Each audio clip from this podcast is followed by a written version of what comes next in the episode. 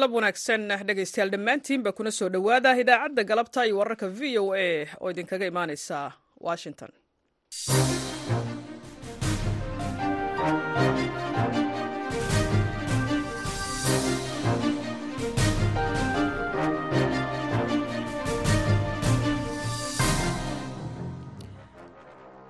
Waa maalin axada bisha maarso ee sanadka kana waa laba iyo toban. Waxaad naga dhagaysanaysaan mawjadaha gaagaaban ee lix iyo tobanka iyo sagaal iyo tobanka mitrban iyo bogga v o a somaly com. Saacadda afrikada bari waa afartii galabnimo.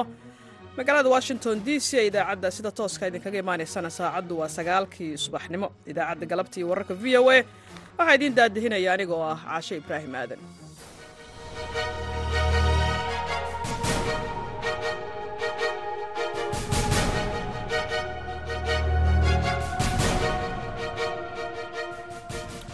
qodobada aad ku dhegaysan doontaan idaacadda galabta iyo wararka v o na waxaa ka mid a puntland oo shaacisay wakhtiga la qabanayo doorashooyinka golayaasha deegaanka.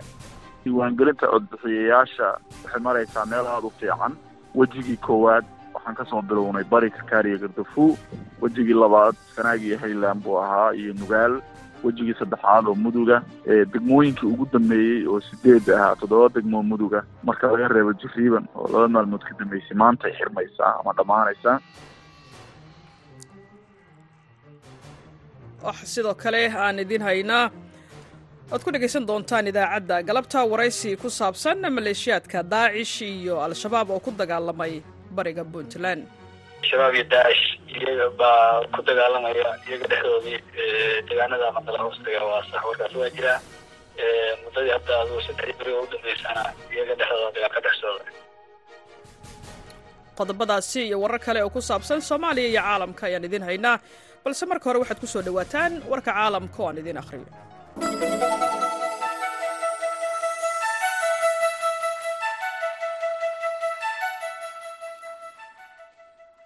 kuuriyada waqooyi ayaa go'aansatay in ay qaaddo tallaabooyin dagaal oo sida hadalka loo dhigay muhiima oo wax ku ool ah sida ay sheegtay warbaahinta dowladda.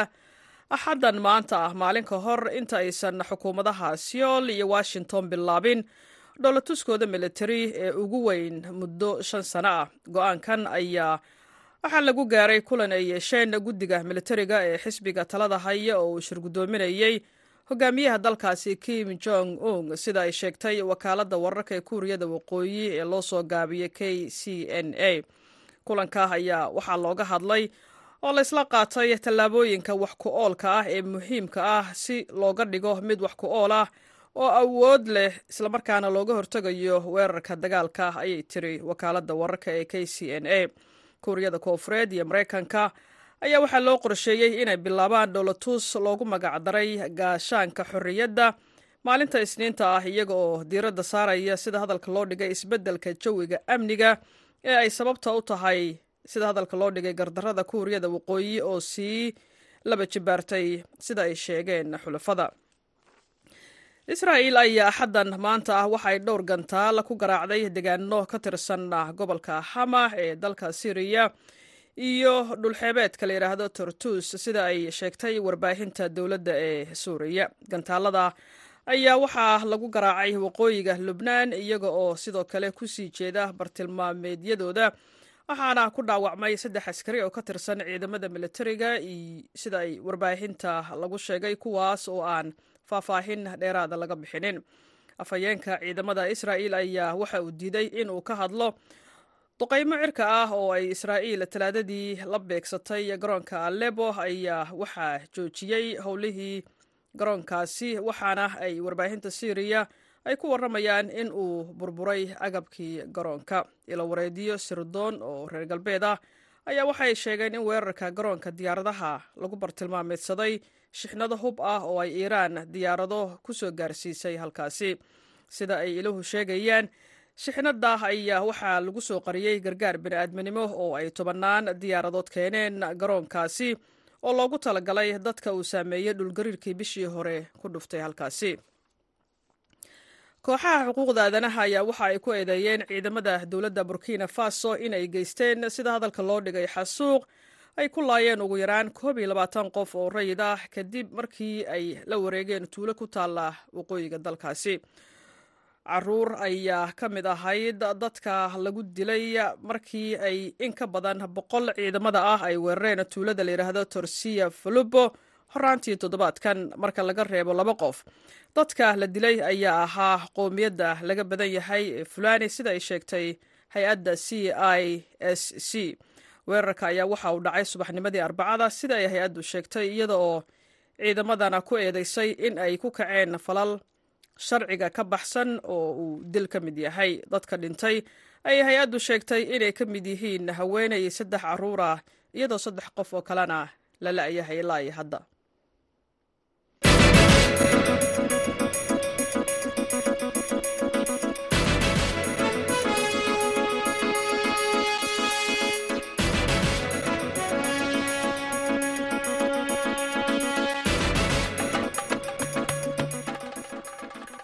kale galab wanaagsan meel kastoo ad naga maqlaysaan tabintayada galabta iyo wararka v o a oo si toosa idinkaga imaaneysa magaalada washington ayaad degeysanaysaan aan ku bilownay qoraal maanta ka soo baxay xafiiska madaxweynaha puntland siciid cabdulaahi deni ayaa waxaa lagu shaaciyey in shan iyo labaatanka bisha meey ee sanadka laba kun saddex iyo labaatan ay puntland ka dhici doonto doorashada golayaasha deegaanka bilihii la soo dhaafay waxaa puntland ka socotay diiwaangelinta codbixiyaasha wariyaha v o e da faadimo yaasiin jaamac.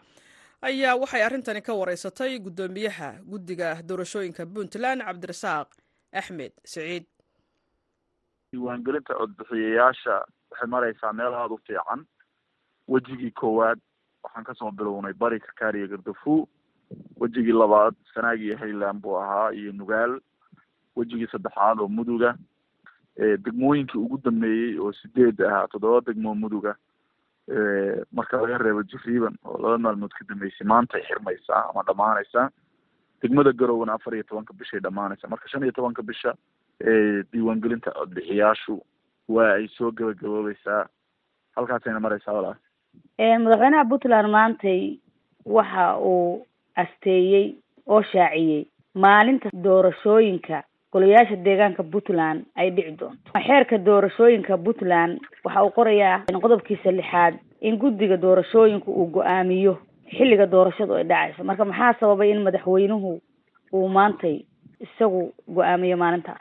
Walaal maalintaa waxaa go'aamiyey guddiga doorashooyinka kumeel gaarka ee puntland si waafaqsan xeerarka iyo shuruucda doorashooyinka gaar ahaan qodobka lixaad ee xeerka doorashooyinka iyo qodobka labiiyo todo tobnaad fiqdadiisa koowaad ee xeerka doorashooyinka isla qodobkaas ayaa oranaya. Labada qodobba waa isku mid waxay oranayaan guddiga kumeel gaarka ee doorashooyinka puntland.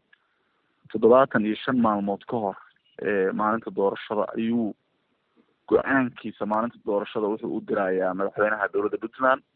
Madaxweynuhuna waa inuu ku faafiyaa lix maalmood.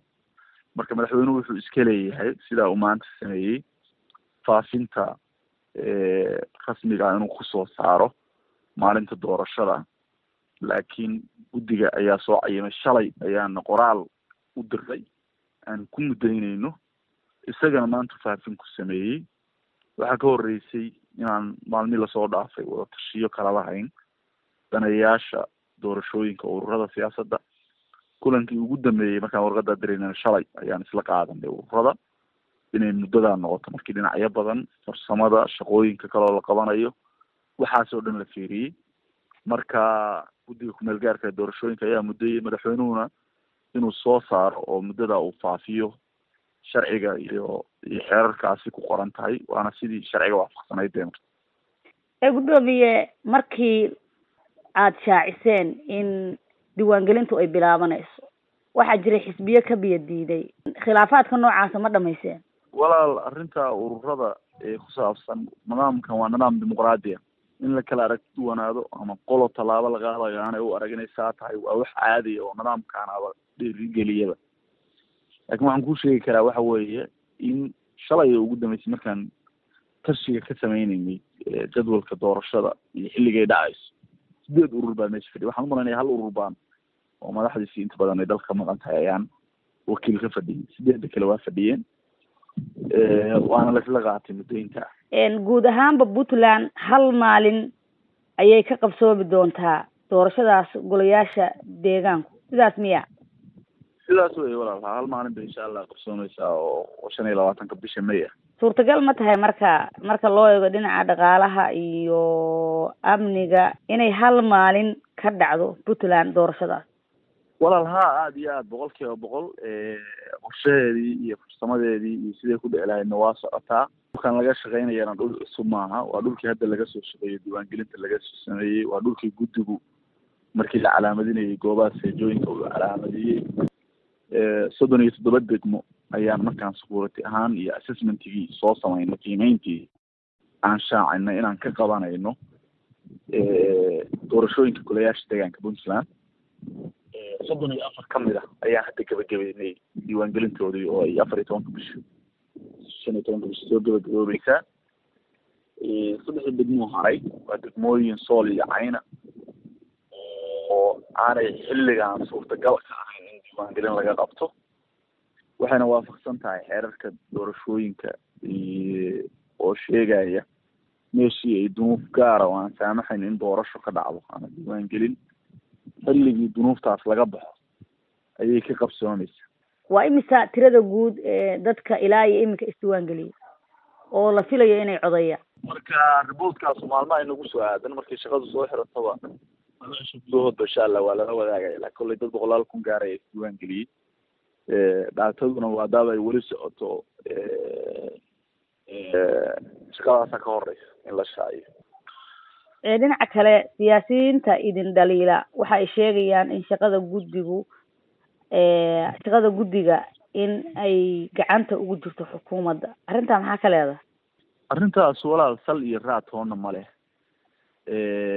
Waa arrin been ah.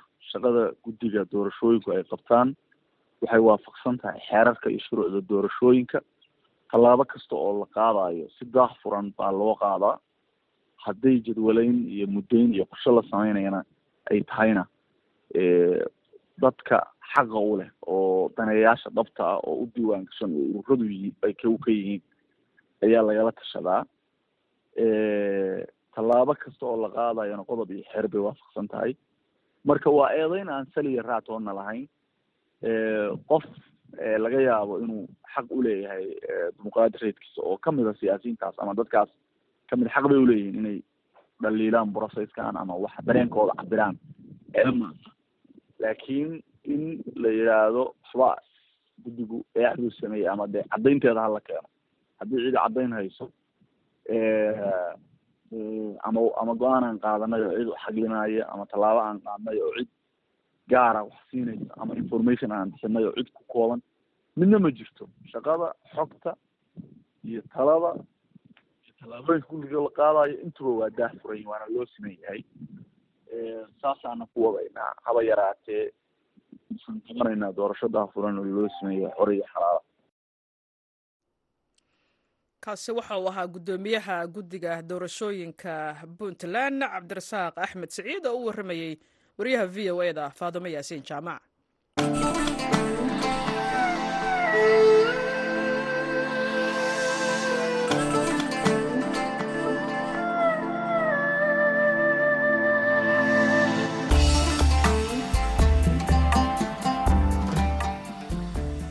galab wanaagsan meel kasta oo aad naga maqlaysaan wararka ka imaanaya bariga puntland gaar ahaan deegaanada hoos yimaada degmada qandala ayaa waxay sheegayaan in iska horimaad uu halkaasi ku dhex maray maleeshiyaadka al-shabaab iyo daacish maalmihii la soo dhaafay dagaaladan ayaa haaruun macruuf waxa uu ka waraystay guddoomiyaha degmada qandala axmed yuusuf maxamed.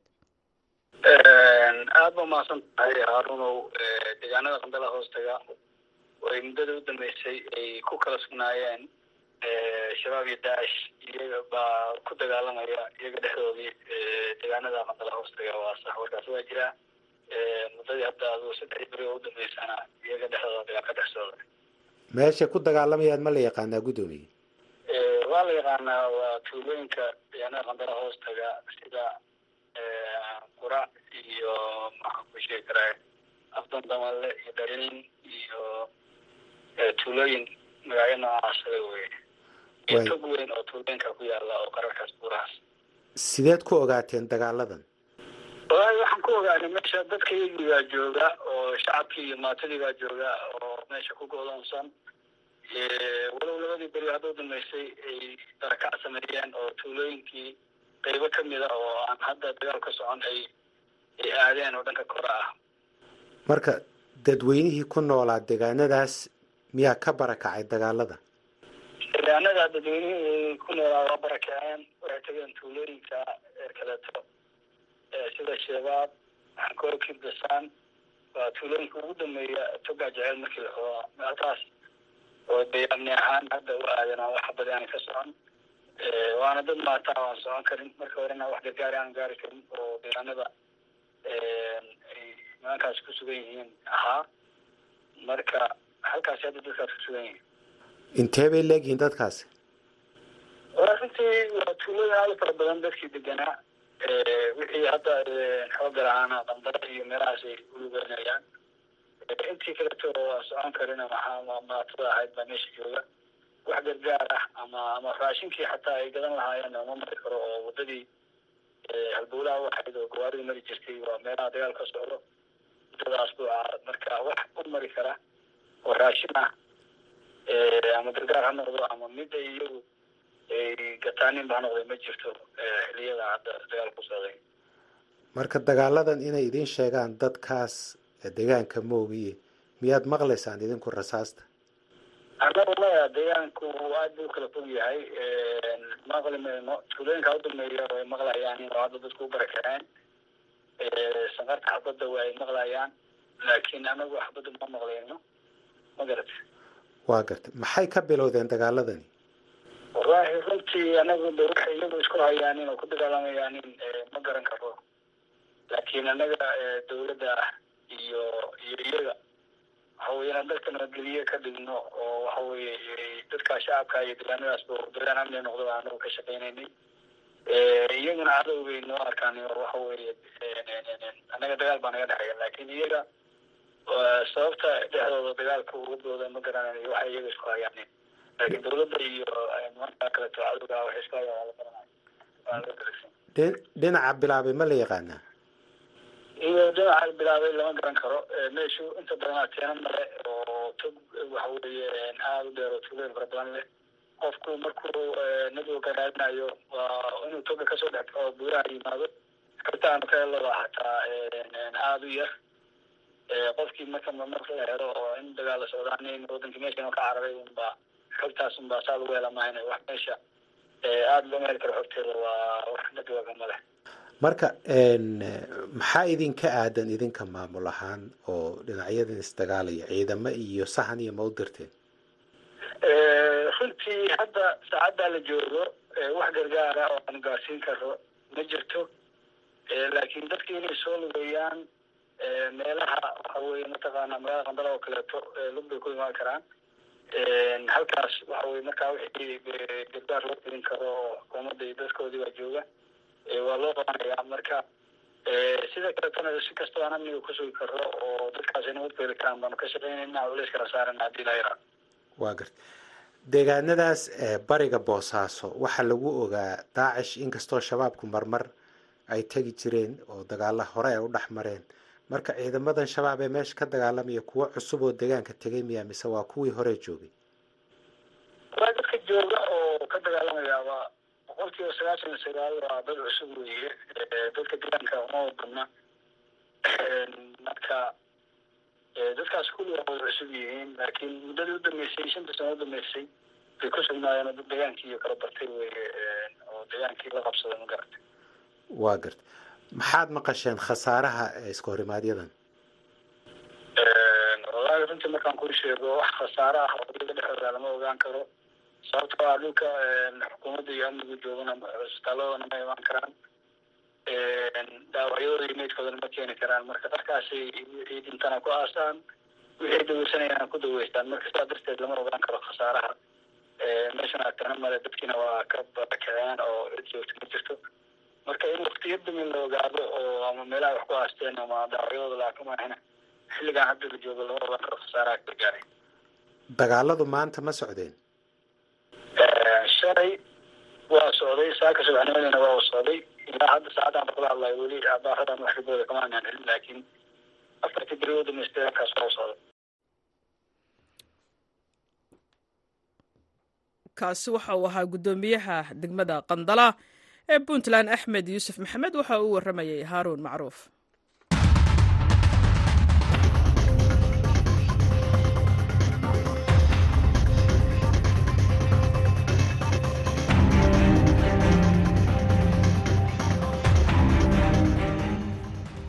dagaal qaraar ayaa ka sii socda magaalada ay dagaaladu halakeeyeen ee bakhmuud ee bariga dalka ukrain ciidamada ruushka ah ayaa haatan waxaa la sheegay in ay gacanta ku hayaan bariga magaaladaasi halka ciidamada ukrainna ay iyaguna haystaan dhinaca galbeed. Sida lagu sheegay warbixin sirdoon oo sabtidii shalay ka soo baxday wasaaradda difaaca ee britain. Warbixin ee v o edu qortay waxaa inoo haya ibraahim xasan dandurey warbixintu waxay sheegtay in webiga bakhmut oo dhex mara magaalada dombas uu hadda yahay jiidda hore marka la eego dadka reer ukrain oo burburiyey buundooyinka muhiimka ah maalmo ka hor iyadoo ciidamada wagnerna ay ku adkaan doonto inay ka gudbaan khadka.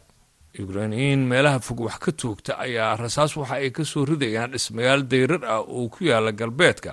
Waxaana warbixintu sheegtay in dhulka furan ee u dhexeeya dhinacyada uu noqday aagdil taasi oo ka dhigaysa mid aada ugu adag ciidamada wagner ee isku dayaya in ay sii wadaan weerarka jiidda galbeed.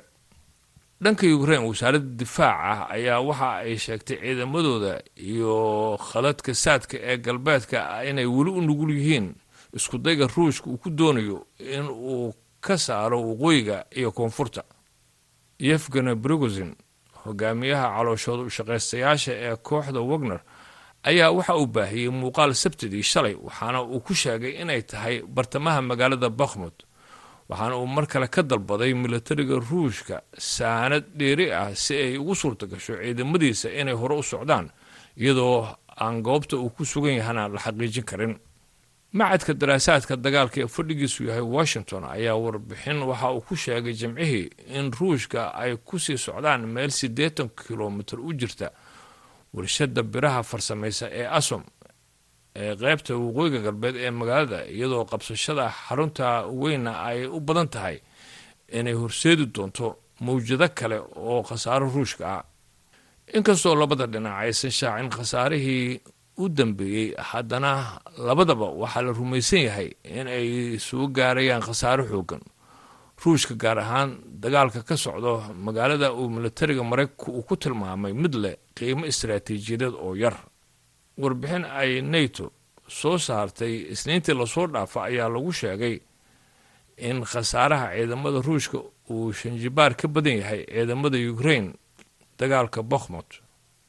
Moscow waxay sheegtay in qabsashada bakhmud ay u tahay tallaabo hore ay ugu soconayaan milatariga ruushka inay qabsadaan dhammaan gobolka dombas ee bariga ukrain kaaliyaha madaxweynaha ukrain volodimir zelenski ayaa jimcihii sheegay in kiev dagaalka ay u adeegsanayso inay ku burburiso cutubyada ugu wanaagsan ee ruushka.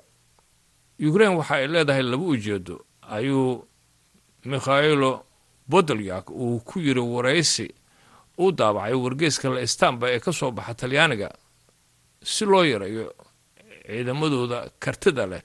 Inta ugu badan ee suurtagalka iyo in wuxuu yidhi lagu hagaajiyo dhowr dagaal oo muhiima si aan u carqaladayno weerarkooda oo aan ugu urursanno khayraadkeenna meelo kaleeto weerar celinta guga. Intii lagu guli jiray xog waran kooban oo maalinla ah sabtidii shalay ayaa taliska guud ee ciidamada ukrain waxa uu sheegay in milatariga ruushka ay qaadeen in ka badan boqol weerar oo ka dhacay jiidda hore ee gobolka doneski oo ay ku jiraan agagaarka lemon bakhmod abdivaka iyo shaktarask ruushka ayaa waxaa lagu soo warramay in afar iyo labaatankii saac ee la soo dhaafay uu gobolka ka fuliyey sagaal iyo labaatan weerar oo cirka iyo afar duqeyno gantaal sida ay sheegeen milatarigu. Norway waxa ay muujinaysaa taageerada ay muddada dheer u hayso dalkaasi ukrain wasiirka difaaca bojon arlid gram ayaa waxa uu sabtidii ku dhawaaqay in shanta sano ee soo socota norway ay u diri doonto toddoba dhibic shan bilyan oo dollar oo hub iyo gargaar kale ah oo loogu talagalay ukraine oo ay ku jiraan gantaalada iyo rasaasta lidka dowladaha ee nasamas. Ibraahim xasan daandurey ayaa nala socodsiinayay warbixintii ay qortay v o e da halkaad kala socoteenna oo laanta af soomaaliga v o a si toosa ayay idinkaga imaaneysaa magaalada washington. Haatan waxaad ku soo dhawaataan barnaamijka wicitaanka dhegeystaha. Waxaa soo diyaariyey soona jeedinaya nuur xasan nuur nuur bukhaari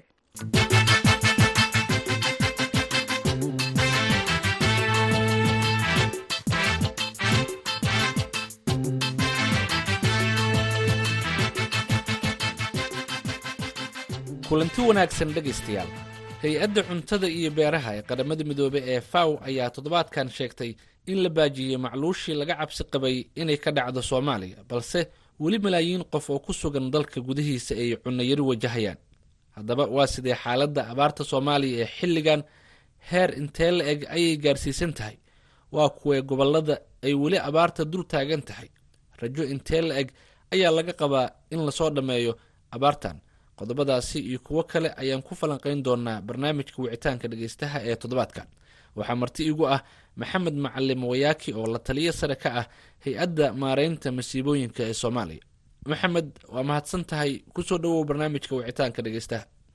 Walaal aad baa u mahadsan tahay. Shukran. Marka hore noo faahfaahi halka ay mareyso xaaladda abaarta ka jirta soomaaliya waa mahadsan tahay walaal haddii aan soo koobo xaaladda abaareed oo waddanka hadda ku sugan yahay sanadkan lagu jiro labada kun saddex iyo labaatanka laga bilaabo bishan yacni waxaan qiyaasaynaa ilaa iyo shan milyan dad ku dhow in ay weli ku jiraan xaalad yacni cunayari aada u baahsan oo hadhowta isku bedeli karta macnaha xaalad adag. Laakiin alxamdulilah waxaan kaloo hadda micnaha la rajeynayaa in laga baaqsado macluul baahsan hadda waddanka inay ka dhacdo. Marka micnaheeda ma aha haddii hadda la saadaaliyay inaysan macluul waddanka ka dhicaynin dadkan inaysan dhibaatada ka bixaynin laakiin sidii la saadaalinaya decemberti la soo dhaafay labada kun labaatan iyo labada waxaa la saadaaliyey in macnaha macluushaas inay dhici karto inay macquul tahay iyadoo hadda la saadaalinayo inaysan dhicaynin haddana micnaheeda maaha walaal. In dhibaatadii laga baxay xaaladda aad ayay u xun tahay. Waxaan qiyaasaynaa shantan milyan hadda aan sheegay milyan ka mid ah inay micnaha soo wajihi karto xaalal xaalad ku dhow ilaa iyo heer macluul. Marka markii aan kuu soo koobo walaal weli xaaladda aad ayay u xun tahay. Haddii aanan la sameyninna ka hortag deg deg ah iyo gargaar deg deg ah waxaa laga yaabaa inay tagto heerkii ay maraysay agosto ilaa iyo oktoobar labada kun labaatan iyo labadii oo qarka aan u siganay in ay waddanka macluul ka dhacdo ayna saameysay dad ku dhowaad siddeed milyan oo qof. Haddii aan soo koobo walaal marka waa taas waa mahadsanta adigaa mudan maxamed marka meelaha hadda ugu daran gobollada soomaaliya abaarta sida daran ay u dul taagan tahay intee ka mid ah? Walaal horta abaarta hadda xaaladan hadda la joogo weli waxaa u daran gobolka bay iyo qeybo ka mid ah gobolka bakool iyo gobollada hadda ku hareereysan runtii meel hadda aysan dhibaato ka jirin ma jirto laakiin gobolladaasa u sii daran. Waxaana aad haddii aan sii taabto ugu sii daran magaalada baydhabo ay ku soo barakaceen dad micnaha aada u tiro badan iyo magaalada muqdisho oo ayagana ay ku soo barakaceen dad aada u tiro badan iyo magaalada la yidhaahdo buurhakaba oo ayadana sababo amni daraaddood aan qiyaasayna dad badan oo yacni ku dhow heer yacni cuntayari ay ku nool yihiin. Marka xaaladda guud walaal waa sidaas laakiin abaarta guud ahaan waddanka way ka wada jirtaa. Ha u kala badnaato kolley wixii sababayana waa ka hadli karnaa micnaha ilaa iyo deertii hadda la soo dhaafay roob badan lama helin guga hadda soo socdana. Hadda jiilaalaba kolley lagu jiraa laakiin guga soo socdana waxaa la rajeynayaa in intii laga filayo in ka yar ay imaan doonto. Marka walaal intaas marka la isku geeyo iyo saameynta cimilada isbedelaysa weli xaaladda abaarta aad ayay u liidataa waddanka guud ahaan qaas ahaan meelaha aan kuu sheegay waayah marka maadaama hay'adda maareynta masiibooyinka ay door weyn ka ciyaareyso sidii loo gargaari lahaa dadka ay abaaraha saameeyeen waan u tegi doonaa waxqabadkiina iyo meelaha aad wax geyseen ilaa iyo hadda laakiin khasaaraha abaaraha ka dhashay gaar ahaan dhimashada wax ma diiwaan geliseen ilaa iyo hadda? Walaal tiro rasmi ah hadda ma jirto tiro rasmi ah kolley hadda ma jirto laakiin waxaan qiyaasaynaa markii cunno yari ay timaado ama caafimaad darro baahsan dhimashada qaarkood waxaan annaga u salaynaa marka la fiirinayo micnaha dhanka mortalityga in ay sabab asli ah u tahay cunayarada iyo biyo la'aanta ama helidda biyo oo nadiif aan ahayn. Marka intaas markii la isku daro walaalo waxaa la dhihi karaa waxay ka mid tahay mortalityga ama dhimashada ay keento micnaha xaaladda abaarta. Haddii aan si kale hadda u dhahane waddanka gudihiisa dhimashada hadda ka jirta inkastoo tiro rasmi aynan ahayn laakiin boqolkiiba saddex waxaa loo aaneynayaa isbeddelka cimilada oo abaaraha kow ay ka yihiin walaal. Waayahay marka dhowaan hay'adda faw waxa ay sheegtay in la baajiyey macluushii laga cabsi qabay in ay soomaaliya ka dhacdo arrintaasi ma la qabtaan ka hay'adda maareynta masiibooyinka ahaan? Walaal arrintaas waan la qabnaa run ahaantiina hadda dowladda soomaaliya dhowr mar oo sannadkii hore ka mid ah runtii soo jeedin badan ay soo jeediyeen hay'adaha un-ka iyo caalamka. Annaga micnaha kuma wada raacin sababtana waxay ahayd mar kasta in aan ku kalsooneen in laga baaqan karo xaalad macluul inay waddanka ka timaada sababtana wax kale ma aha. Dadaallo badan oo aan wadnay oo dowladda iyo dadka soomaaliyeed gudaha iyo dibaddaba ay sameynayeen ayaan ku kalsooneen in haddii gacmaha laisqabsado aan ka baaqsan karno xaalad macluul. Sida hadday u muuqatana alxamdulilah arrintaas ayaa dhab ah. Waayahay. Marka hay'adda maareynta masiibooyinka soomaaliya maxaa u qabsoomay? Maxaad ka qabateen abaaraha? Dowrkiinu nase muxuu ahaa walaal horta hay'adda waxaa dib loo agaasimay agosto labada kun labaiyo labaatankii inkastoo hay'adda kow la as-aasay labada kun koo iyo tobankii sharci baarlamaanna la mariyey labada kun lix iyo tobankii haddana isbeddel baa ku dhacay oo wasaarad baa laga dhigay laakiin hadda waxaa dib loo yegleelay agosto labada kun labaatan iyo labadii.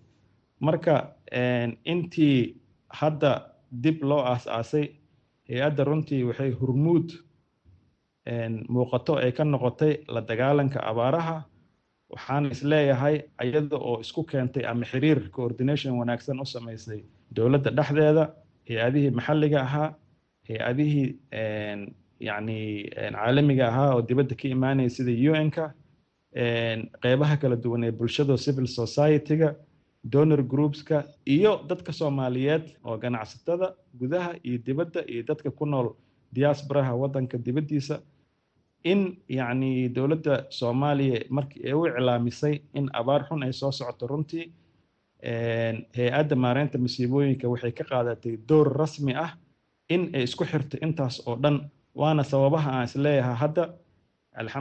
Falilaahi alxamdu yacni ilaah inuu naga baajiyey macnaha ka sokow waxaan is leeyahay dadaalkaas guud ahaan oo aan dhihi karo waa collective effort. Dadaal runtii wadareed oo dadka soomaaliyeed ay wada sameeyeen laakiin hay'adda maareynta masiibooyinka markii dib loo aas-aasay dowladda waxaan is leeyahay waxay ka qaadatay hurmuud aada u weyn in xaaladda abaarta la keeno ajendayaasha ugu waaweyn oo dowladda waatii madaxweynaha iyo ra'iisul wasaaraha ay ku dhawaaqeen in saddexda ajendo ugu waaweyneed labadii dowladda waxay ahayd in la dagaalanka abaaraha la dagaalanka kooxaha nabadiidka ah iyo deen cafiska. Marka waa arki kartaa muhiimadda ay lahayd waxaan is leeyahay dadaalkaas liajligeeda. Waxaa la gaaray runtii guulo waaweyn oo mataqaanaa la taaban karo ay hay'addana ku dhawaaqo. Waayahay. Marka idinka ma waxaad maamushaan hay'adaha gargaarka maaragtay cuntooyinka iyo waxyaabaha ay ugu talagaleen nafaqooyinka dadka ay abaaraha saameeyeen ma lacagta ayaad maamushaan? Waxqabadkiina muxuu yahay? Dowrkiina muxuu yahay? Walaalo annaga lacagta ma maamulno laakiin waxaan sameynaa isirka iyo in aan hubinno in wixii deeqa waddanka yimaada ay kala aadaan meelihii loogu talagalay ama meelaha ugu daran runtii. Marka waxaan toos ula shaqeynaa dowladda dhexe federaalka ah iyo dowlad goboleedyada. Dowlad goboleedyada waa meelaha hadda ugu badan oo abaaraha si kala duwan ay u saameeyeen. Dowlad goboleed kastana wuxuu leeyahay wasaar wasaarad arrimaha micnaha gargaarka iyo maareynta musiibooyinka loo yaqaano oo aan leenahay xiriir aada u dhow marka annaga waxaan ku sameynaa xiriirintaas iyo deeqaha dibadda ka yimaada qaarkood oo annaga dowladda toos noogu soo dhaca in aan ku xirno dowlad goboleedyadaas iyo wixii kale meelihii ugu habboonaa in la geeyo. Marka annaga waxaan leenahay isku xir joogteyn iyo mataqaanaa iyo iyo iyo iyo iyo in la hubiyo in dadka loogu talagalay ay gaarto deeqahaas walaal dalka dagaal ayaa ka socda. Dagaalka loogu soo horjeedo al-shabaab dagaalkana wuxuu ku soo beegmay xilli abaar daran ay waddanka ka taagan tahay marka howlihii gurmadka iyo maaragtay tabarucidda dadka abaaraha ay saameeyeen sidee ayuu u saameeyey dagaalka? Walaal runtii wuu saameeyey oo yacni waad dareemi kartaa dad awalba abaar ay ku habsatay. Haddii dagaalna uu agtooda ka dhaco dadkii micnaha way qaxayaan barakac ayaa ku dhacaya meelihii dagaalada ka socdana way ka fogaanayaan. Thats human nature marka waxyaabaha hadda micnaha aan aragnay aan rikoor gareynay waxaa ka mid ah meelaha hadda laga xoreeyey micnaha al-shabaab oo ay ugu badan tahay yacni dowlad goboleedyada hadda galmudug iyo hirshabeelle micnaha meelaha qaarkood barakac ayaa ka dhacay marka waxaa culeys badan soo fuulay magaalooyinkii kale ee goboladaas marka sidaas la ajligeed waxaa aan ku qasbanaanay in yacni gargaar la gaarsiiyo dadkii abaarta saameysay iyo dadkii ay saameysay abaarta iyo barakaca oo isla jira. Dowladdana waxay ka leedahay runtii ujeeddo kale oo micnaha oo yacni ujeeddo kale yaanan dhihina waxay ka leedahay program kale ayay u sameysay la yiraahdo programka xasilinta ama stabilizationka.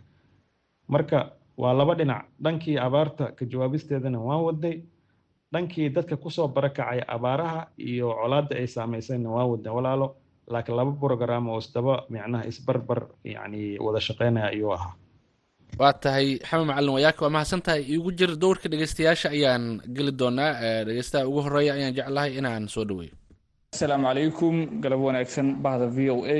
magacaygu waa cabdisalaam kajoojo oo jooga magaalada galduga gobolka mudug aad baan u salaamay martidaas ka socota hay'adda gargaarka musiibooyinka iyo abaaraha su'aasheedu waxay tahay waxaa jira deegaano fara badan oo gacanta dowladda ka maqan siba deegaanada jubbooyinka oo abaaro ba'an ay ku dhufteen. Dadkooduna xaalado aada u liito laga soo warinayo.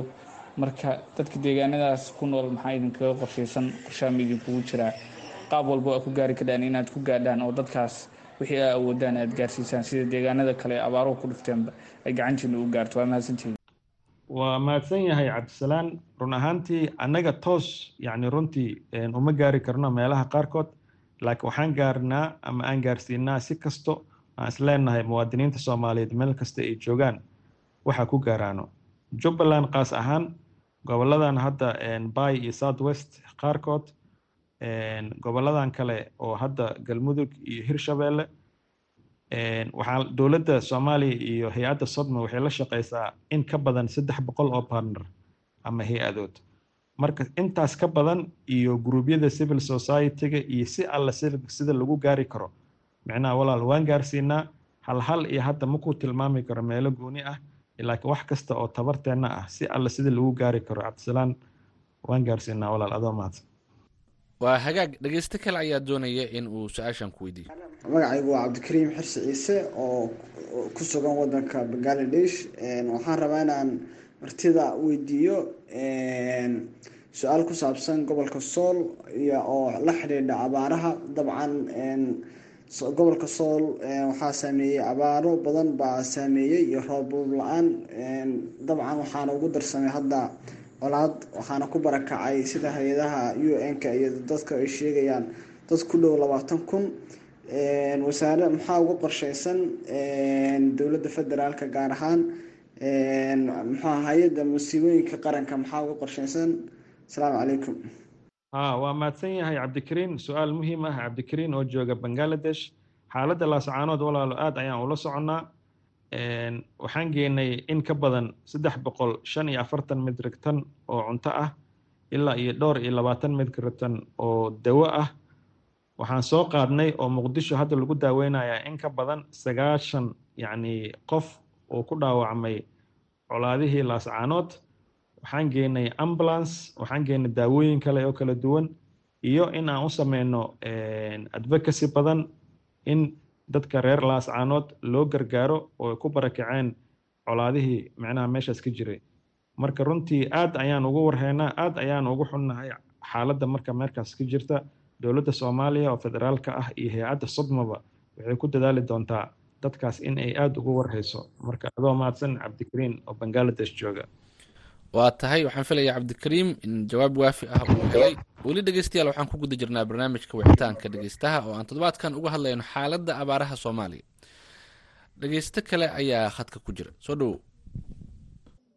magacayga waa maxamed deeq yuusuf macalin. Waxaan joogaa magaalada jowar ee xarunta gobolka shabeellaha dhexe ee maamulka hirshabelle waxaan weydiin lahaa dadka ka soo barakacay colaadaha iyo abaaraha ka jira dalka ee ku jira xerooyinka ku yaalla magaalada muqdisho markii laga soo tago baahiyaha kale ay qabaan haddii ahaan lahayd in gargaar biniaadinimo la gaarsiiyo waxaa jiro baahiyo kale dhinaca ammaanka ah waxay la kulmaan tacadiyo badan oo dhinaca ammaanka macnaha la xiriira dhankiin ahaan gargaarka iyo musiibooyinka maxaa ugu qawayseen dadkaas dhibaatooyin badana ku soo nonoqday marka su'aashaasaan watay.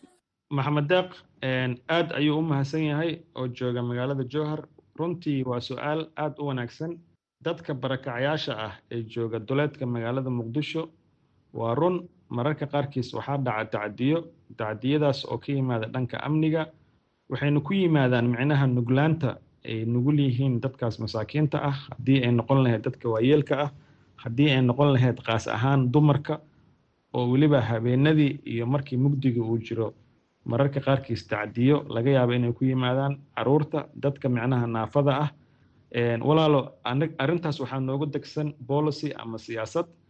Siyaasaddaas oo la yiraahdo micnaha protection of vulnerable groups ama in micnaha la ilaaliyo ama la garab istaago dadka barakacayaasha ah qaas ahaan kuwooda ugu sii nugul. Arrintaas marka maxamed deeq haddii aan u soo koobo waxaan aad ula shaqeynaa hay'adaha amniga ah. Waxaa nooga degsan siyaasad marmarka qaarkiis ma dhici karaan haa way dhici karaan laakiin mar walbaba waxaan hubinaa in qaas ahaan horta in ilaalada iyo ciidamada dowladda oo amniga ah in tababar arrimahaas loo siiyo. Dadkan waa dad muwaadiniin ah. Haddii dhibaatadaas ay dhacdana in systemkii la marin jiray macnaha dadkii markaas falkaas geysta in la mariyo iyo muhiimadda oo ah in lagu dadaalo dadkaas laftigooda inay leeyihiin infrastructurekii dadka caadiga ah ay lahaayeen walaal oo aad u muhiim u ah. Waana hadda dowladda soomaaliya waxyaabaha ugu muhiimsan ay ka shaqaynayso waxyaabaha la yidhaahda xalka waara. Ma marka qaarkiis dhibaatooyinka dadka waxaa u keena ayagoo ku nool guri aan munaasab aan ahayn ayagoo aan haysanin yacni waxyaabihii loogu talagalay nololka asaasiga ah sida micnaha suuliga sida meelaha micnaha biyaha laga qaato bartama biyaha laga qaato sida micnaha leerka iyo waxyaabahaas nalka sida wax wax lagu karsado. Marka qofka markii uu intaa uu ka baxo waxyaabaha sababa in yacni tacadiyada ay dhacaan horta waxyaabahaasaa ka mid ah. Marka annagana waxaan ku dadaalnaa advocacy badan loo sameeyaa in dadkaas waxyaabahaas asaasiga noloshooda ay helaan. Intaasna markii la helo runtii deetada hadda waxay noo sheegaysaa inay yaraato tacadiga laakiin mar walbaba ay dhici karto haddii intaas ay dhacdana markaas laamaha amniga ah in ay helaan dadkan aan loo arkin dad second class citizen ah loo arko dad muwaadiniin soomaali ah oo xaqa u leh aniga adiga waxa aan u leenahay. Marka arrintaas aad ayay noogu weyn tahay. Siyaasad adagna waan ka leenahay. Mar walba ma la fuliyaa siyaasadda. Simply maya laakiin majority of the time macnaha waa waxyaabaha aan aad ugu dadaalnay ay ka mid tahay marka waa mahadsan yahay maxamed deekh adiga mudan maxamed ugu dambeyntii goorma ayaa la fili karaa oo la rajaynayaa in abaartan hadda taagan ay dhammaato. Rajadiisa ilaa intee ayay gaarsiisan tahay? Horta wax yar haddii aan kuu soo koobo walaalo xaaladda abaaraha soomaaliya wixii ugu badnaa waxay bilaadeen nineteen seventy four ama toddobaatan iyo afartii siddeetan iyo koodii laba iyo sagaashankii labada kun iyo labadii labada kun iyo lixdii labada kun koo iyo tobankii labada kun toddobiyo tobankii. Haddana waxaa lagu jiraa labada kun saddex iyo labaatankii horta mar walba markii ka dambeysa way soo yaraanaysay. Frequencyga micnaha inta u dhexeysa way soo yaraanaysa waxay ku bilaabatay toddoba sano ilaa toban sano. Haddana waxay maraysaa ilaa iyo afar sano ka yar. Horta xaaladda abaarta soomaaliya waxay noqon doontaa xaalad iska socota micnaha oo abaarta yacni sida hadda khubarada sayniska ay noo sheegayaan waxay toos ula xiriirtaa isbeddelka cimilada. Haddii aanan annaga hadda la noolaan ama climate adaptation aan la sameynin walaal horta way socon doontaa abaaraha abaartan hadda lagu jira marka qaas ahaan yacni waxaa ugu darnaan doonta bilaha april ilaa iyo july. Haddii marka bilaha april ilaa iyo july yacni aan ka badbaadno in aynan saameynin dad aada u badan oo dadkeena ka mid ah waxaan rajaynaynaa markii la gaaro september ilaa iyo october in ay xaaladda aada ugu soo reyn doonto marka waxyaabahan dhan hadda aan sheegaynana waa qiyaasta. Yacni ugu dhow hadda aan haysano way ka yaraan kartaa way ka badnaan kartaa walaal. Aad ayuu u mahadsan yahay kaasi wuxuu ahaa maxamed macalim wayaaki oo la taliya u ah hay'adda maaraynta masiibooyinka ee soomaaliya wuxuu marti iigu ahaa barnaamijka wicitaanka dhegaystaha waxaan kaloo aan jeclahay inaan u mahad celiyo dhegaystayaashii nagala qayb galay. Tan iyo kulanti dambe sidaa iyo nabadgelyo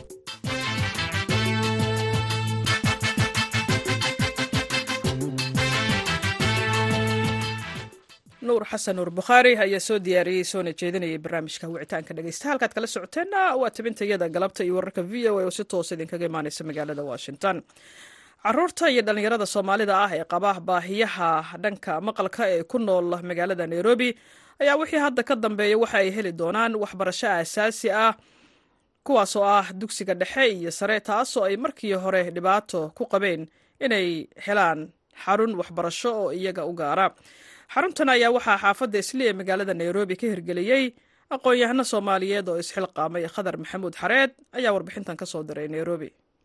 Cabdiraxmaan bashiir maxamed waa toddoba iyo toban sane jir ka mid ah ardayda qaba baahiyaha dhanka maqalka ee ku nool xaafadda isli ee magaalada nairobi. Cabdiraxmaan iyo carruur kale oo iyaguna ka mid ah kuwa qaba baahiyaha dhanka maqalka waxa ay hadda kadib ay fursad u helayaan inay helaan iskuul u gaar ah oo ay wax ku bartaan kaasoo ah waxbarashada as-aasiga ah ilaa dugsiga sare. Cabdiraxmaan ayaana dareen ahaan aada ugu faraxsan inuu dib u bilaabo waxbarashadiisa fasalka lixaad ee dugsiga dhexe. Islamarkaana uu helo dhallinyaro kale oo ay isku baahi yihiin oo ay hal iskuul wax ku wada baranayaan. Muxuu dhahay way wanaagsan tahay primariga maxaan rajaynayaa inaan horey u sii socdo hase yeeshee weli waxaa jira caqabado iyo baahi dhanka qalabka waxbarashada ah oo ay xaruntani wajahayso. Sahra cali cumar oo ka mid a macalimiinta waxbaraya ardaydani qaba baahiyaha dhanka maqalka ayaa sheegaya inay la kulmaan caqabado ay ka mid yihiin wacyigelinta dhanka bulshada soomaalida ee ah in wax la baro ardaydani baahiyaha qaba iyo sidoo kale baahi ka haysata dhanka qalabka iyo fasalada iskuullada oo aada ugu yar. Waa alxamdulilah maxaan rajaynaynaa. Ilaahay intuu anakana noo fududeeyo. Like yeah insha allah hadda marka the only problem we have is facilityga. Facilitygan ugu yar. Marka caawimaad caawimaad waan weydiisanay marka ilaahay intuu noo keena ayaan sugaynaa insha allah dadka wada dadaaladani lagu xoojinayo waxbarashada dadka soomaalida ee qaba baahiyaha dhanka maqalka waxaa ka mid a dhallinyaro iyo aqoon-yahano isu tegay kuwaasoo xaruntani waxbarasho ka hergeliyey xaafadda islii. Cabdiraxmaan aadan maxamed cadaani oo ah milkiilaha iskuulka rabani ee xaruntan hirgelisay ayaa sheegaya in bulshada soomaalida ee qaba baahiyaha gaarka ah ee dhinaca maqalka haddii wax la baro ay la mid yihiin sida bulshada kale islamarkaana ay qaban karaan shaqooyinka kale ee ay dadku qabtaan. Sidoo kale islamic stadiskii baa la baraa salaaday tukadaan qur'aankaa la baraa luqadan oo sign language baana la isticmaalaa ishaara waxaa lagu magacaabo oo runtii la dhihi karo rasuulka da sal allahu alayh wasalam inuu isticmaalay len saxaabada dad dawaalayaal ku jireen. Rasuulkeena sal allahu alayh wasalam markuu tilmaamayo kale xadiidkii almu'minu lilmu'min kalbunyaani yashuddu bacduhu bacdan labada gacmood ayuu sidaa isu geliyey maaragta culamada qaarkood waxay leeyihiin luqat alishaara ayaa ku jirto dad degala wax lagu tusayo muslimiinta inay yihiin dhis sidaa isu haysataa waa xaq bay u leeyihiin ilmaha dhagoolaasha in wax la baro autismka in wax la baro kuwa indhahala wax in la baro oo bulshada qeyb weyn ay ka qaadan karaan. Dad badan oo hadda iskuulla soo dhameeyey oo aan ka warqabnay oo dhagoolayaal oo waxaa jira hadda shaqeeya oo accountant ah qaar ma aragtay waxay noqon karaan qaarkood macallimiin ayay noqon karaan dad kale wax sii bari karaan. Qaarkood i t-ga ayay ku shaqeeyaan iyo information technology-ga markaan aragnay in bulshadii ay yarahee gacan bidxaysay ayaan anagu rabani group of schools ahaan aan isku dayno inaan qayb ku darnon ma aragtay ardayda garab istaag bulshada soomaalida ee qaba baahiyaha noocan oo kale ah ayaa la sheegayaa inay aada uga dambeeyaan dhanka horumarka marka loo barbardhigo bulshooyinka kale ee iyaga la midka ah ee ku nool dalka kenya. Arrintan ayaana loo sababeynayaa wacyigelinta dhanka bulshada soomaalida ee ah in wax la baro dadka baahiyaha noocan oo kale qaba oo aada u yar. Khadar maxamuud xareed v o a nairobi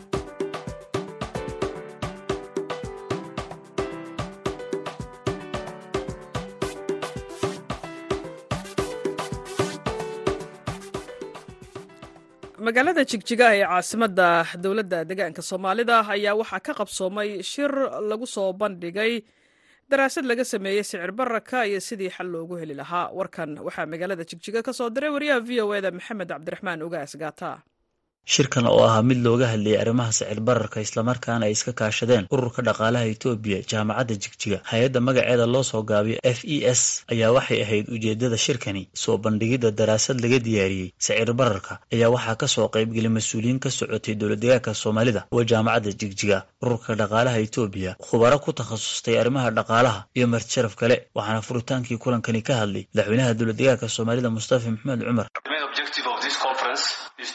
isagoo sheegay madaxweynuhu in ujeeddada ugu weyn ee shirkan ay tahay sidii loo abuuri lahaa wadahadal iyo dood iyada oo la isu keenayo bahwadaagta ugu muhiimsan. Hadday ahaan lahayd heer gobol ilaa iyo heer qaran aqoon-yahanka siyaasad dejiyayaal cilmi baarayaal siyaasiyiin iyo dadka saamaynta ku leh si ay ula wadaagaan aragtidooda ku aadan caqabadaha ka jira dhanka sicir bararka ee wakhti xaadirkan una soo jeediyaan xal siyaasadeed. Dhankiisa madaxweyne ku-xigeenka jaamacadda jigjiga cabdira'uuf axmed oo warbaahinta la hadlay ayaa waxa uu faahfaahin ka bixinayaa ujeeddada shirkani. Ruantii shirkan wuxuu daarnaa inta badan waxyaabaha intii u dambeysay deegaankeena si gaara iyo dhammaan caalamka uu saameeyo inta badan khuseeyey dhaqaalaha waddanka ruaantii sixir bararkan sii kordhaya iyo noloshan sii adkaansa ayuu inta badan ayuu quseeyey ayuu inta badan quseeyey marka la yidhahdo ethiopian economy associationna waa urur ka asaasan oo sharciyadiisa la wadanka inta badan hadda kahor deegaanka muuna hawgeli jirin laakiin hadda marka la arkay dadaalada kala duwan ee dowladda iyo dadka magaalada degan ama deegaanka deganiba ay sameynayaan ayaa waxay go'aansadeen marka inay deegaanka la tigsa yimaadaan. Runaantii shirkan dad kala duwan oo caalamka yimid baa ka soo qayb galay. Sidoo kale cabdira'uuf axmed waa madaxweyne ku-xigeenka jaamacadda jigjigeed ayaa sheegay in shirkan uu ahaa kii koowaad ee lagu qabtay magaalada jigjiga waxa uuna sheegay inay jiraan daraasaadyo kala duwan oo ka hadlaya dhibaatooyinka sicir bararka iyo xalkooda kuwaasoo haatan ay gacanta ku hayaan macalimiin u dhashay deegaanka oo ka howlgala jaamacadda jigjiga. Waxa uuna mas'uulku sheegay marka ay dhammeeyaan daraasaadiyadaasi in la samayn doono kulan lagu soo bandhigi doono shirkan waa shirkii ugu horreeya laga qabto deegaanka.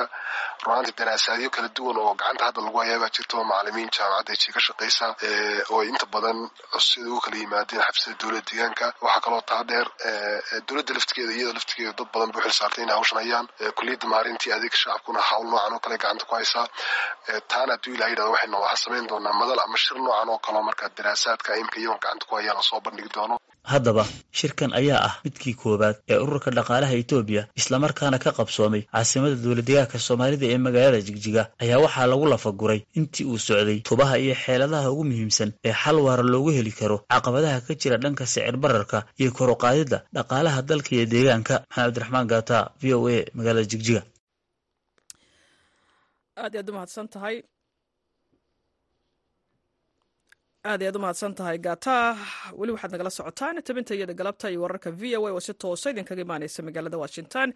Haddaan qadar idinka xusuusiyo qodobada warka caalamka ugu weyna israa'iil ayaa axaddan maanta ah waxay dhowr gantaal ku garaacday deegaano ka tirsan gobolka xama ee dalka suuriya iyo dhulxeebeedka tartus. Sida ay sheegtay warbaahinta dowladda ee suuriya gantaalada ayaa waxaa laga soo ganay waqooyiga lubnaan iyada oo ku sii jeeday bartilmaameedyadooda waxaana ku dhaawacmay saddex askari oo ka tirsan ciidamada militariga sida warbixinta lagu sheegay kuwaas oo aan faahfaahin dheeraad ah laga bixinin. Afhayeenka ciidamada israa'il ayaa diiday in uu ka hadlo duqaymo cirka ah oo ay israa'iil talaadadii ku beegsatay garoonka xaleb ayaa waxa ay joojiyeen howlihii garoonkaasi waxaana ay warbaahinta dalka suuriya ku warramayaan in uu burburiyey agabkii garoonka kooxaha xuquuqda aadanahana waxa ay ku eedeynayaan ciidamada dowladda burkina faso in ay geysteen sida hadalka loo dhigay xasuuq ay ku laayeen ugu yaraan koob iyo labaatan qof